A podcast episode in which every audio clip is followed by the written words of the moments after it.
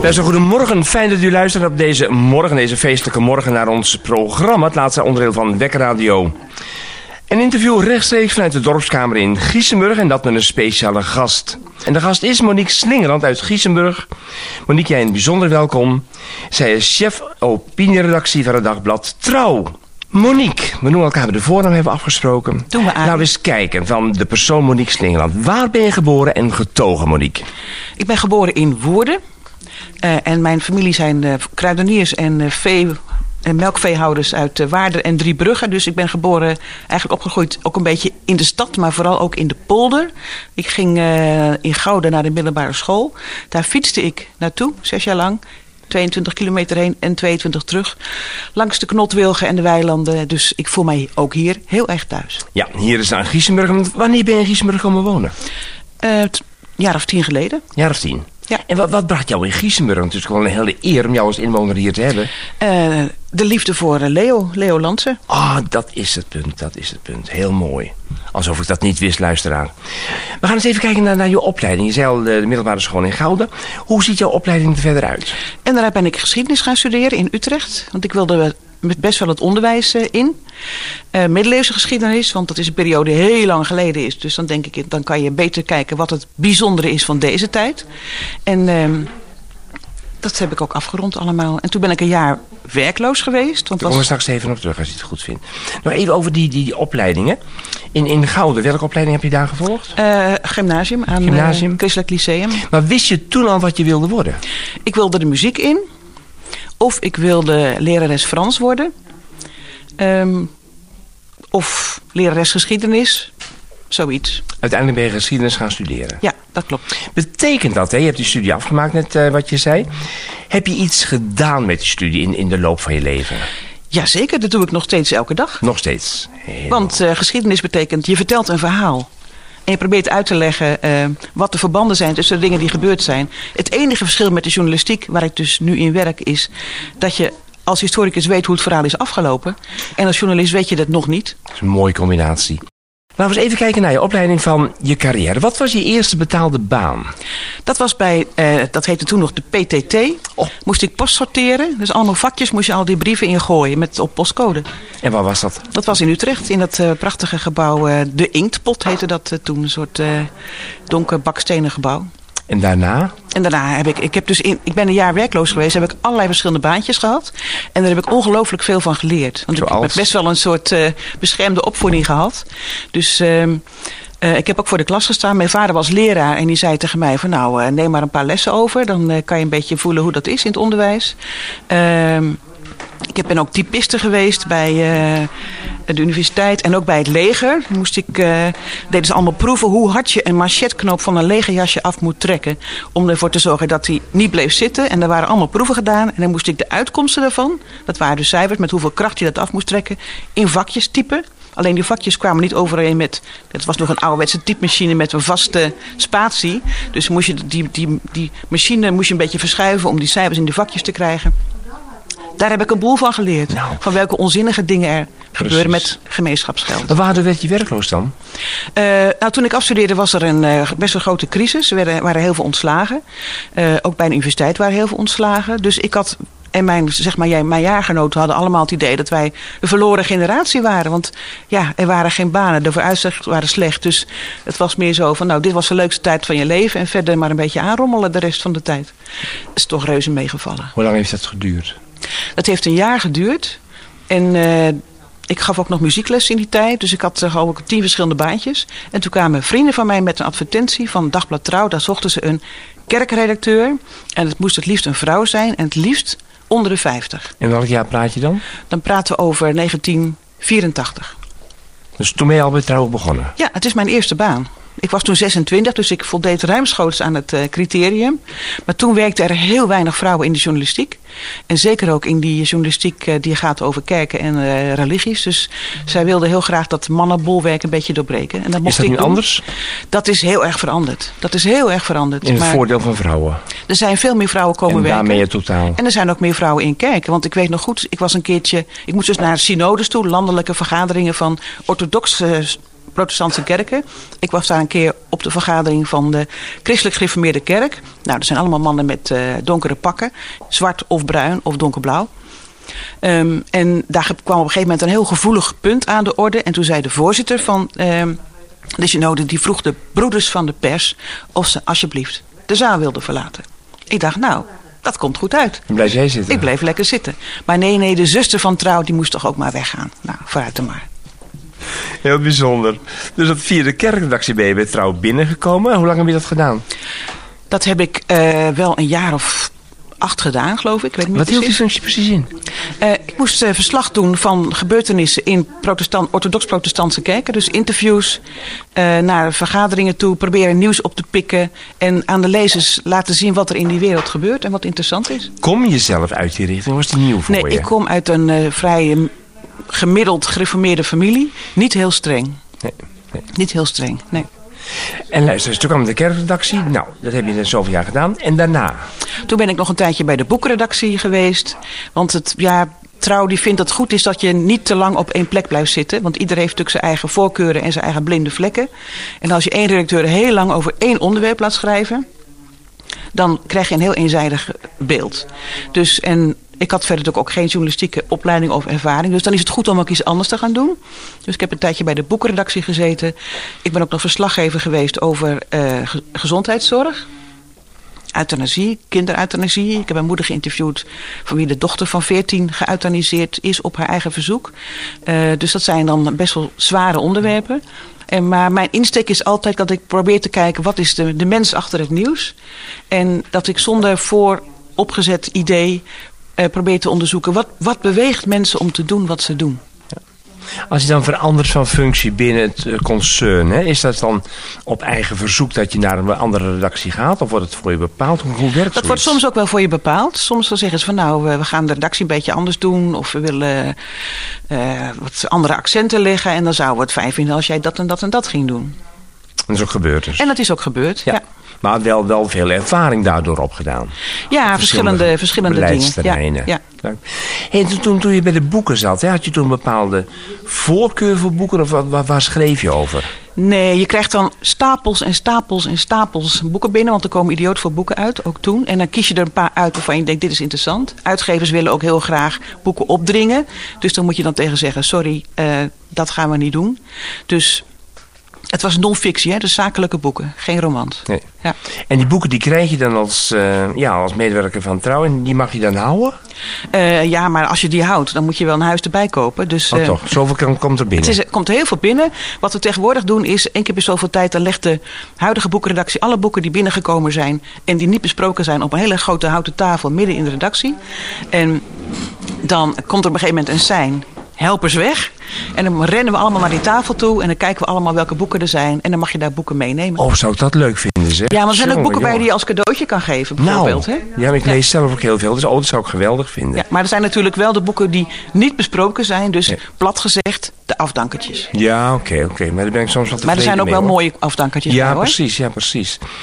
En sinds wanneer doe je de functie die je nou hebt? Chefredactie van de dat doe ik, redactie? Dat doe ik nu uh, zeven jaar. En hiervoor was ik dus verslaggever katholiek nieuws. Dat was ook weer een hele andere, een, uh, hele andere insteek dan protestantse kijken. Protestantse kijken was alleen in Nederland. En ja, katholieke kijken is een wereldkerk. Dus ben ik ook wel geregeld in Rome geweest. Ook toen de huidige paus bijvoorbeeld gekozen werd. Ja. Ja, want ik heb hier uh, in mijn handen nu het boek uh, Paus Franciscus, het eerste jaar. Ja. Geschreven door Monique Slingeland. En ik heb dat gekocht, ik zal eens even kijken, op 22 maart 2014. En ik heb het gelezen, anders zou het niet in de boekenkast uh, staan. Hoe, hoe kwam je tot dit boek? Um, er was een idee vanuit uh, Franciscanen, geloof ik, om het, een boek te wijden aan die nieuwe paus, die natuurlijk een verrassende keus was, een zeer verrassende keus was, met een heel, heel onorthodoxe aanpak. En toen zochten ze iemand om dat te schrijven. Toen kwamen ze bij mij terecht. Toen zei ik, dat wil ik zeker wel doen.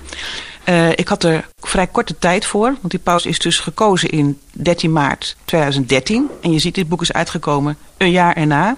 Dus ik had... Um, ik heb overlegd over de aanpak ervan. Het leek mij mooi om een soort met thema's te werken. En ook de agenda van de paus te laten zien. Gewoon wat doet die paus eigenlijk op een dag. En bepaalde uitspraken van hem in het boek te zetten. Dat lezers zelf kunnen zien. Dat zegt hij, in plaats van dat ik het allemaal ga verwoorden. Ik heb er de kerstvakantie gebruikt om het boek te schrijven. En, uh, Daar of hier? Ja, hier. hier. En uh, dat was dus gewoon een heel... Ik had een schema boven mijn bureau liggen. En het was heel hard doorwerken. De uitgever had tegen mij gezegd... Denk erom, op eerste kerstdag neem je vrij. Dat weet Leo ook wel, dus dat heb ik ook gedaan. Maar verder was het gewoon heel hard doorwerken om dat boek op tijd af te krijgen. Maar waar haal je je informatie om tot zo'n boek te nou, komen? Nou, er zijn gewoon heel veel websites. De Vaticaan heeft een eigen website waar de agenda van de paus op staat. En waar ook verslagen staan van gesprekken die hij gehad heeft. En alle teksten die hij gezegd heeft. En verder uh, heb ik ook met mensen gesproken die uh, in het Vaticaan hele goede contacten hebben. Um, en er is een prachtige biografie over hem verschenen. Over de tijd voordat hij paus was. Heel interessant. Dat gebruik je allemaal. Zeg, je hebt nog meer boeken geschreven, zag ik? Ja, dat klopt, ja. Over dit soort thema's ook? Of uh, bijna altijd over religieuze thema's. Op eentje na. Dat is van een vriendin van mij, Brigide Almeida, Utrechtse kunstenares. Die was 25 jaar kunstenaar. Ze hebben een boekje gemaakt, een boek gemaakt met overzicht van haar werk. Maar ik heb ook een boek geschreven over Augustinus. Ik heet Monique met een C. Ja. Ik ben dus vernoemd naar Monica, de moeder van Augustinus. En dat is toch een soort opdracht of een soort programma. En ik raakte uh, goed bekend met Paul van Geest, hoogleraar Augustijn, zeg maar. Dus wij hebben samen een boekje geschreven waarbij we geprobeerd hebben om levensvragen te stellen aan Augustinus. Bijvoorbeeld, hoe weet je nou wie, of iemand een goede vriend is? Of dat het iemand is die alleen maar iets van jou wil omdat jij uh, hè, daar handig voor bent. Hoe weet je of je leven zinvol geweest is of niet? Hoe bereid je voor op de dood? Dat soort levensvragen hebben wij uh, opgesteld, zeven vragen. En we hebben uit zijn preken, Augustinus heeft heel veel gepreekt en die preken zijn grotendeels bewaard gebleven. Uh, een soort antwoord op die vraag gedestilleerd. En dat is het boekje geworden. Mooi hoor. Zeven vragen aan Augustinus heet het. Nou, Ja. ik vind het heel interessant. Zeg, luister ehm, komt er een nieuw boek aan? Nou, ik heb op het ogenblik echt geen tijd om een boek Geen te schrijven. tijd. Want als je een boek schrijft, moet je eigenlijk alles opzij schrijven. En dan ben je thuis ook heel, heel erg ongezellig en totaal onbereikbaar. Maar naast het werk wat ik nu doe, wat heel leuk is, maar ook best intensief, zie ik daar echt geen kans voor. We zijn hier in gesprek met Monique Sneerland en zij is chef opinieredactie van het dagblad Trouw. Monique, wat houdt deze functie nou in? Ja, eh, wij maken elke dag drie of vier pagina's. Behalve op zondag natuurlijk, dan verschijnt de krant niet. En eh, alle artikelen komen ook online. En wij krijgen elke dag eh, opinieartikelen binnen van lobbyisten, van eh, Milieudefensie, staatssecretarissen, bezorgde burgers. Een stuk of twintig per dag ongeveer. Nu, in de coronatijd was het veel meer. Daar kiezen we er twee of drie uit die wij gaan plaatsen, gaan publiceren. Welke criteria heb je daarvoor? Het moet, uh, het moet een stuk zijn waar echt een duidelijke stelling in is, waar je het ook mee oneens kan zijn. We krijgen heel veel goede raadstukken van we zouden eigenlijk dit moeten, we zouden eigenlijk dat moeten. Dan denk ik, ja, dat kun je hè, als je bij het ontbijt als ochtends leest denken, ja, inderdaad. En dan sla je de bladzij om. Dus het moet iets prikkelends hebben. Het moet eigenlijk een soort verrassende stelling hebben of iets waar mensen, als ze samen aan het ontbijt zitten, erover kunnen, van mening over kunnen verschillen, over kunnen praten. Het moet feitelijk kloppen. Dus mensen moeten geen argumenten aanvoeren die uh, fake news zijn of die niet waar zijn. Um, en het moet, het moet ook een onderwerp zijn waarvan ik weet dat onze lezers erin geïnteresseerd zijn. Maar wat is dan de identiteit van trouw waarop je baseert? Ik denk dat mijn lezers daarin geïnteresseerd zijn. Uh, het heeft te maken met uh, ja, klimaat, milieu, onderwijs, uh, vertrouwen in de samenleving, maar ook lucht, luchtiger onderwerpen. Naast die opiniestukken hebben we ook nog dus lezersreacties. Er komen elke dag ook heel veel lezersreacties binnen, tientallen. Daar maken we een rubriekje van. Dat doen we om de beurt. Dat vinden we eigenlijk het allerleukste van het werk. Omdat je contact met je lezers hebt op zo'n manier. En lezers schrijven af en toe hele geestige, puntige, scherpe brieven. En in die brievenrubriek is belangrijk. Die verdedig ik ook met hand en tand. Want kritiek op de krant moet daar ook een plaats in kunnen vinden. Dus als lezers kritisch zijn op wat wij doen, dan moet dat ook een plaats vinden in die rubriek. Maar zeg je daarmee dat er één persoon telkens iets beoordeelt of is dat een team? Nou, we, zijn met een, we zijn met een team, we zijn met z'n vijven, we werken allemaal wel part-time. En we doen om de beurt, dus ik ben de. Ik, dus om de beurt doen, maken we of die rubriek of we bespreken de stukken en kiezen ze uit. Dat doen we bij afwisseling. Dat is ook, dan is het werk ook leuker. Maar daarmee voorkom je ook weer dat je eenzijdigheid krijgt. Ik heb een voorkeur voor onderwerpen die te maken hebben met levensovertuiging. Um, En iemand anders heeft weer een voorkeur voor onderwerpen te maken met internationale geopolitiek. Dus als je dat wisselt, dan zorg je ervoor dat het uh, een diversiteit aan onderwerpen blijft. Ik vind het best een behoorlijke verantwoordelijkheid om die keuze dan uh, te maken van wat ja, en wat niet. Ja, en bovendien, uh, je, je, het, het, is op basis van vertrouwen. Dus um, kijk, sommige auteurs die ken ik. Ik weet van, ah, dat is die en die en die. Als je, als je een stuk krijgt van de staatssecretaris of minister, dan weet je van, nou, dat is, die is wie die zegt dat hij is. Maar je krijgt ook artikelen van mensen die, niet, die ik niet ken. Daar gaan we altijd even kijken, is die persoon wel wie die zegt dat hij is? Want het is ook wel eens een keer gebeurd dat iemand een fake identiteit gemaakt heeft. En dat is heel, heel, heel erg vervelend. Dat tast zeg maar ook je geloofwaardigheid als krant aan. Dus ja, je hoopt altijd dat dat wel snor zit. We hebben ook altijd wel contact hoor met de auteurs via de mail of we bellen ze op. Maar ja, dat is toch een kwestie van, uh, van vertrouwen. En uh, als je wat stukken krijgt die wat ingewikkelder zijn, bijvoorbeeld over het uitrekenen van de stikstofdepositie of de kernafval, ja, dat is zo, of pensioenen, rekenrente, dan moet ik vertrouwen dat degene die dat stuk schrijft er genoeg verstand van heeft dat het ook klopt. Heel vaak leggen we dat soort stukken even voor aan onze collega's die erin gespecialiseerd zijn. Van joh, ken jij deze auteur? Is het een interessant onderwerp of niet? En klopt het allemaal wel? Dus en dan zegt die collega bijvoorbeeld van nou, dat, dat is echt, uh, dat, gaat, dat, is, dat klopt niet. Dan heeft hij twee dingen door elkaar gehaald. Oké. Of iemand zegt ja, dit is inderdaad precies helemaal goed wat we nu nodig hebben. Dus ik uh, gebruik ook de expertise van mijn collega's van de deelredacties. Nou, even terug naar de identiteit van Dagblad Trouw. Hoe kun je zeggen dat de identiteit van Trouw zich onderscheidt van andere dagbladen? Ja, kranten lijken natuurlijk best wel veel op elkaar uh, tegenwoordig. Um, dus het, is, het, is, het overlapt elkaar voor een deel. Het overlapt elkaar. En zeg maar de grote vragen die er nu zijn. Hè, uh, wij, wij, klimaat bijvoorbeeld. Ja, Trouw heeft al heel erg lang een redactie gehad, speciaal daarvoor. Duurzaamheid en natuur. Dus dat was heel lang hebben wij dat zeg maar gethematiseerd door er aparte pagina's voor te maken en een aparte redactie voor in te stellen, dat wij dat een belangrijk onderwerp vinden. Maar nu schrijft natuurlijk alle kranten schrijven daarover.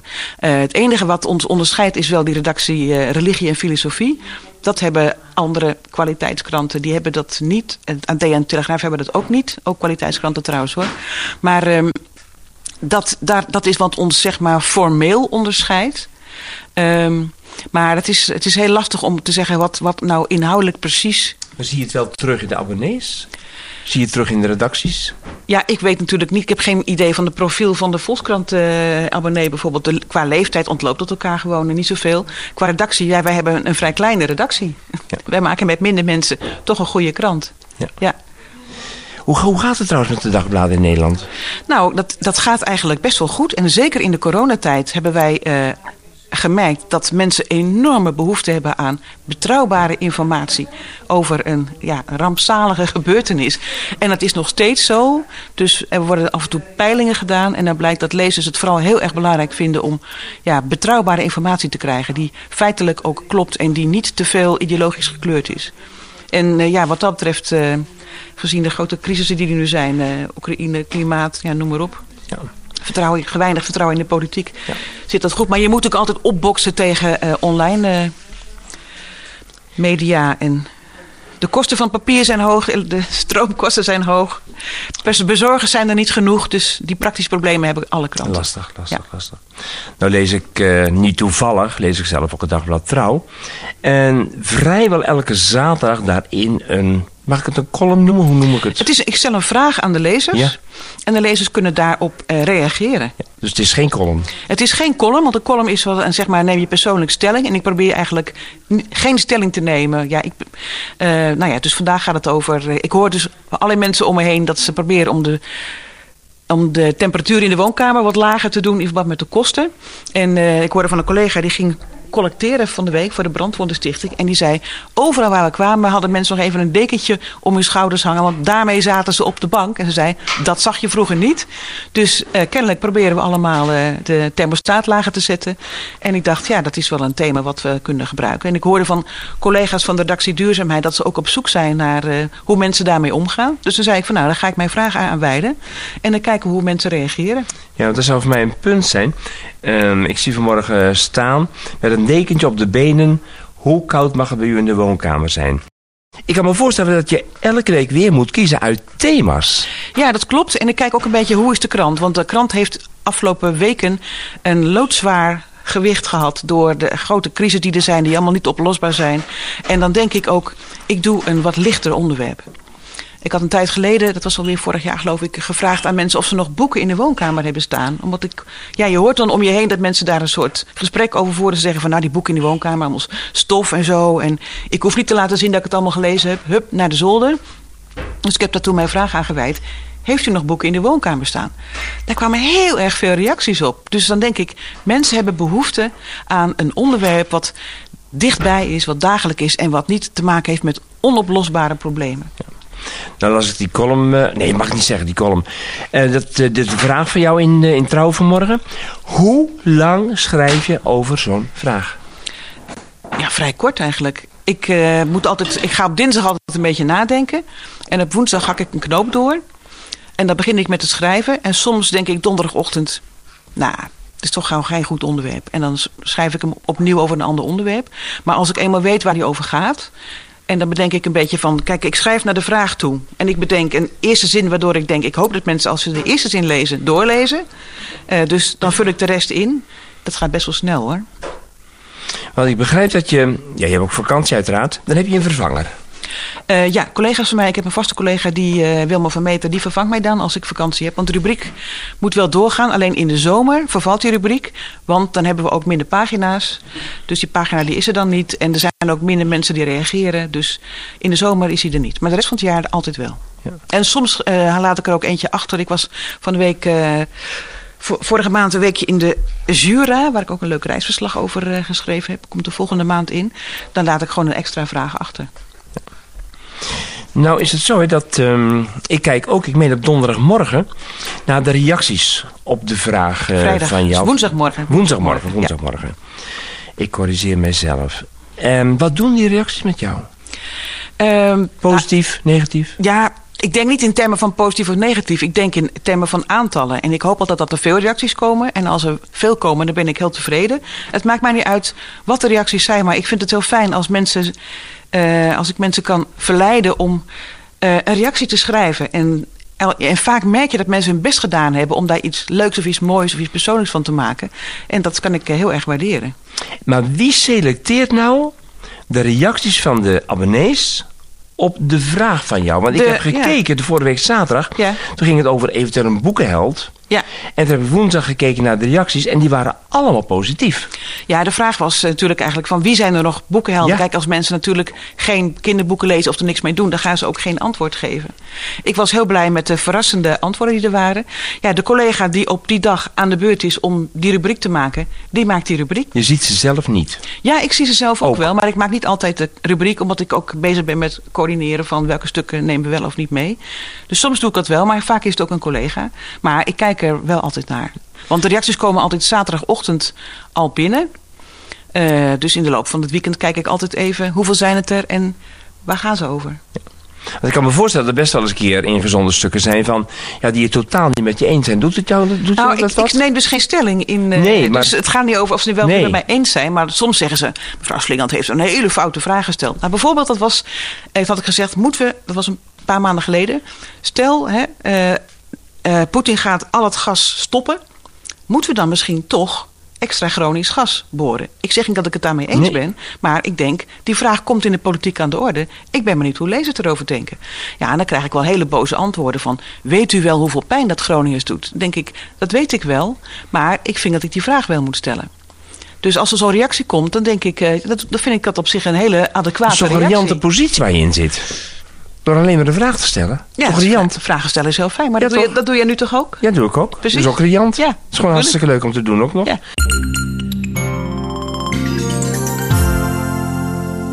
We gaan de laatste minuten in met het gesprek met Monique Slingerland. We hebben nu gekeken van waar ben je geboren, wat is je opleiding geweest, wat is je carrière geweest. Is er een volgende stap in je carrière? Um, dat weet ik eigenlijk uh, niet zo goed. Wat ik nu doe vind ik gewoon heel fijn om te doen. En zolang het goed gaat, uh, blijf ik dat ook gewoon doen. Kijk, het mooiste van de journalistiek is verslaggever zijn. Je gaat het land in, je spreekt mensen, je schrijft er een stuk over. Maar de werkdruk voor verslaggevers, dat zie ik bij mijn jongere collega's, is enorm hoog. die is in ieder geval veel hoger dan toen ik uh, 30 was. En ik vind dat ik op mijn leeftijd dat soort dingen echt niet moet doen. Dat is gewoon echt te veel. Voorlopig blijven Voorlopig blijf ik dit doen. Ik vind het leuk. En, sowieso bij het Dagblad Trouw waarschijnlijk. Ja, ja. Dat, dat sowieso. Nou, nou geef je een schets van, van jouw leven, ook in het voorgesprek wat we hadden. En mijn indruk is dat je best druk bent. Ja, ik verveel me nooit. Ik doe nog allerlei andere dingen. Dat was mijn punt. Wat doe je naast? Ik zing ook in een koor in Utrecht, Utrechts Vocaal Ensemble. Uh, we zijn bezig met een prachtige serie concerten. Uh, de beschermheilige van Utrecht is Sint Maarten. En onze dirigent heeft de Sint Maartens kantaten geschreven. Ik zit in de programmacommissie, daar ben ik voorzitter van. En ik dacht, Sint Maarten geeft zijn mantel aan de bedelaar. Er moet iets van die bedelaar in de teksten zitten. Want je moet altijd teksten uitzoeken. Ik weet, in Utrecht heb je een poëzie inloop workshop op vrijdagmiddag voor daklozen. Dat heet Klinker. Daar zijn bundeltjes van uitgebracht. Die heten ook Klinker. Dus ik heb contact opgenomen met Straatnieuws in Utrecht. Mogen wij een aantal teksten uitzoeken van die poëzie van dakloos... om voor de Sint Maartenskantaten. Nou, dat vonden ze een goed idee. Dus we hebben daar uh, samen met de dirigenten een aantal teksten uitgekozen. En die worden dus gezongen tijdens die kantaten. Samen met uh, teksten over het levens van Sint Maarten... en bijbelteksten uit Matthäus over de zeven werken van barmhartigheid.